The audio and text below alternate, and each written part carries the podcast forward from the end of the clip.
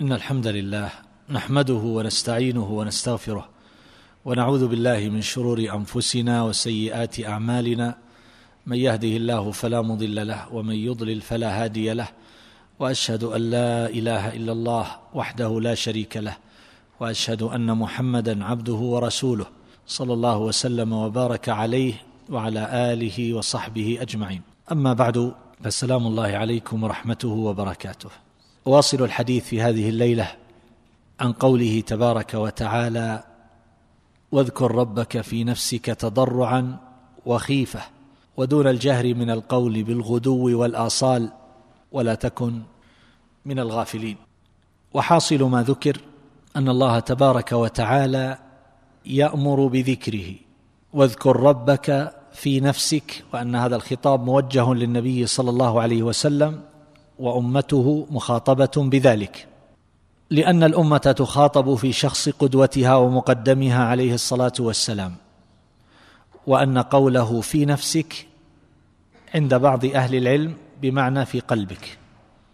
وحمله ابن جرير رحمه الله على أن ذلك في حال سماع القرآن في الصلاة أو في حال سماعه من الخطيب لأنه مأمور بالإنصات. فيكون متفكرا معتبرا بما يسمع. واذكر ربك في نفسك.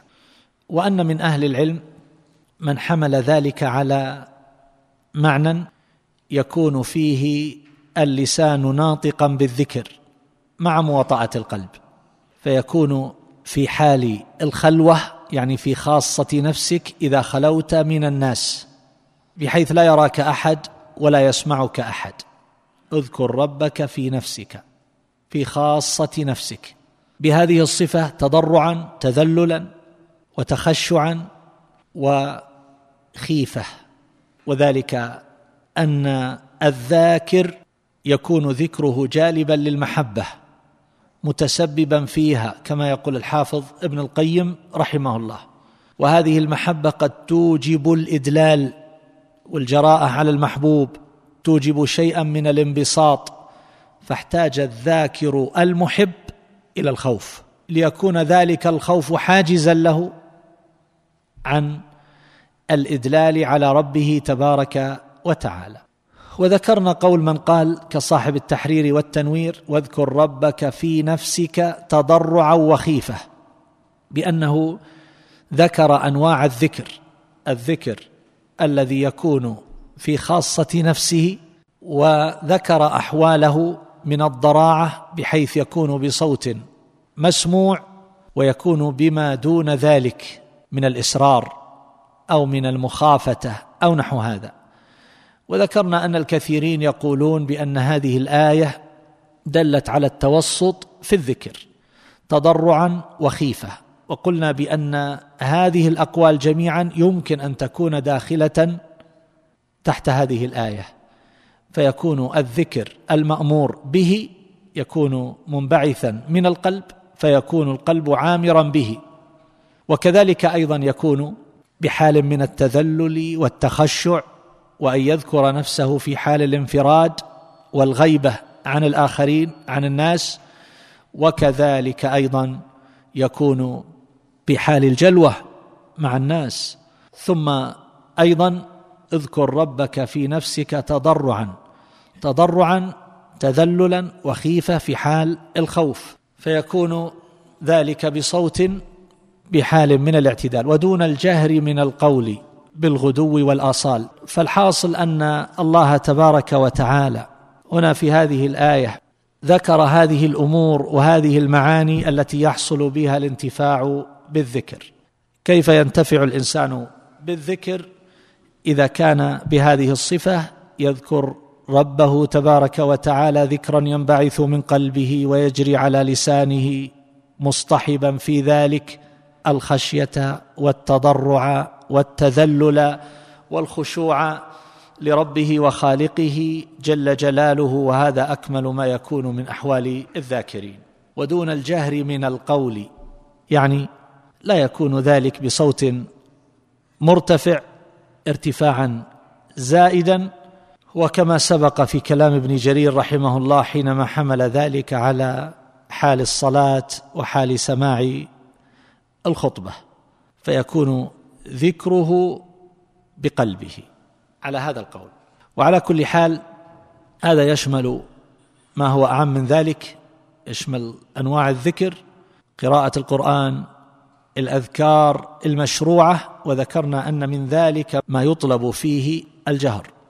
قال بالغدو والآصال الغدو جمع غدوة والغدوة هي أول النهار.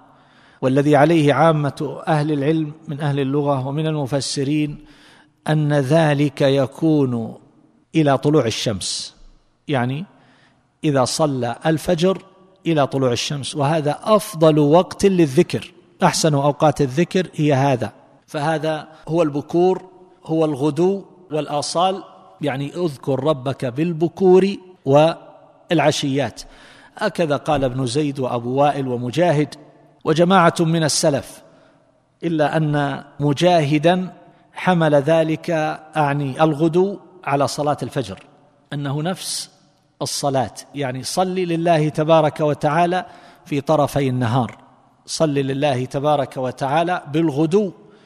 يعني صلاة الصبح وذلك في وقت الغدو والآصال يعني آخر العشي وهي صلاة العصر على قول مجاهد.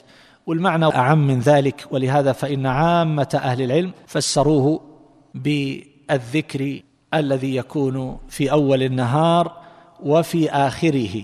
فالغدوة ما بين صلاة الغداة وطلوع الشمس. ولكن لو أن احدا قال الأذكار أذكار الصباح بعد طلوع الشمس أو قالها في الضحى فإن ذلك يجزئ عنه لأن أول النهار كل ذلك يكون وقتا للذكر اعني أذكار أذكار الصباح. فإذا قالها قبل الزوال يكون قد أوقعها في موقعها. لكن الأفضل في هذا هو ما ذكرت أن يكون ذلك ما بعد صلاة الفجر إلى طلوع الشمس. كما أن أذكار المساء المساء كالصباح. كما أن الصباح يبدأ من طلوع الفجر إلى ما قبل الزوال هذا كله صباح.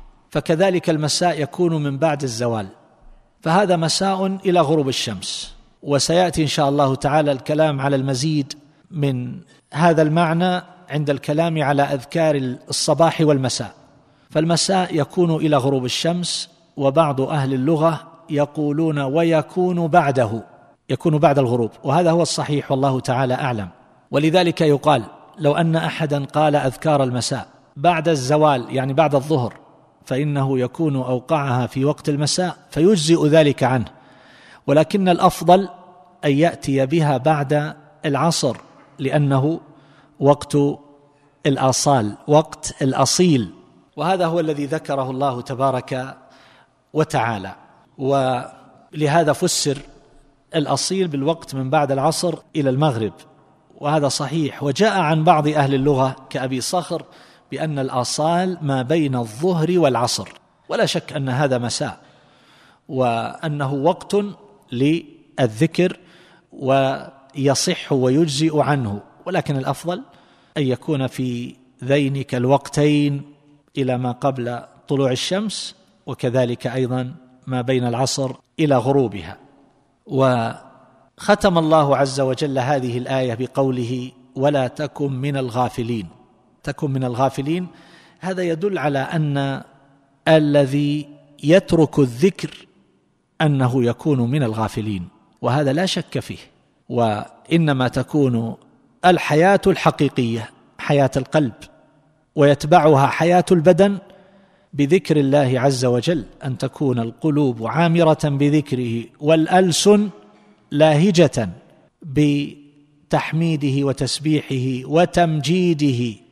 وكذلك أيضا تكون الجوارح عاملة بطاعته. هذه هي الحياة الحقيقية. وما عداها موت كما سيأتي في الكلام على قوله صلى الله عليه وسلم مثل الذي يذكر ربه والذي لا يذكر ربه كمثل الحي والميت أو كما قال عليه الصلاة والسلام. فهنا يقول ولا تكن من الغافلين لا تكن من اللاهين. على قول ابن جرير إذا قرئ القرآن تكن من اللاهين عن عظاته وعبره وما فيه من العجائب ولكن تدبر وتفهم وأشعره قلبك بخضوع وخوف من قدرته عليك إن غفلت عن ذلك لأنه حمل هذا على استماع القرآن كما سبق وربط هذه الآية بالآية التي قبلها. والمعنى والله أعلم كما سبق أعم من ذلك بحيث إنه يكون بأنواع الذكر.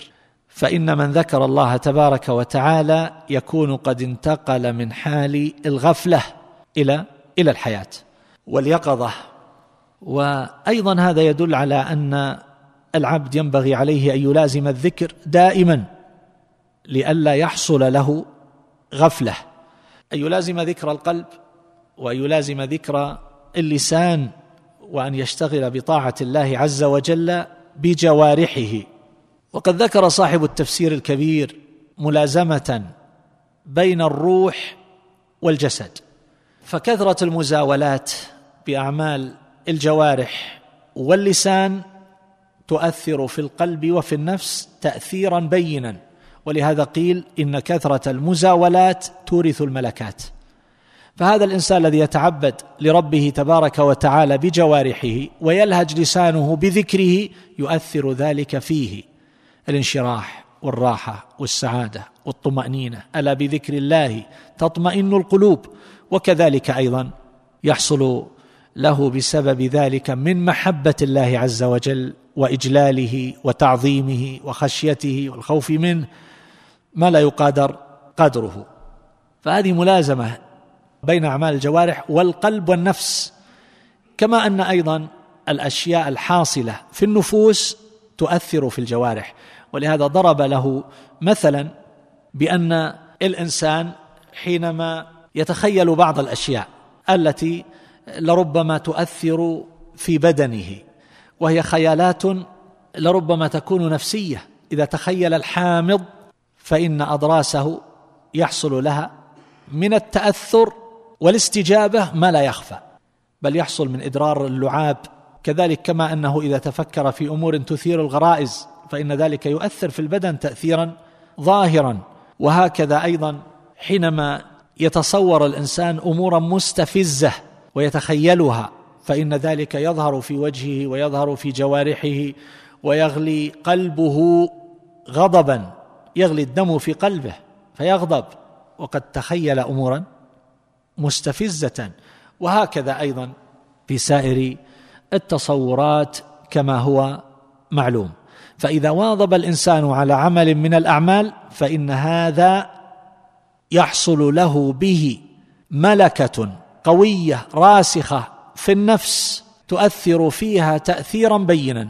فإذا لازم العبد الذكر في أحواله كلها فإنه يكون بهذه بهذه المثابة. ولا تكن من الغافلين. اذا نخرج من هذا أيها الإخوان بأن الذي يترك الذكر أنه يكون غافلا وأنه بقدر ما يغفل عن الذكر ويقصر فيه تكون غفلته. والله تعالى أعلم وصلى الله على نبينا محمد وآله وصحبه.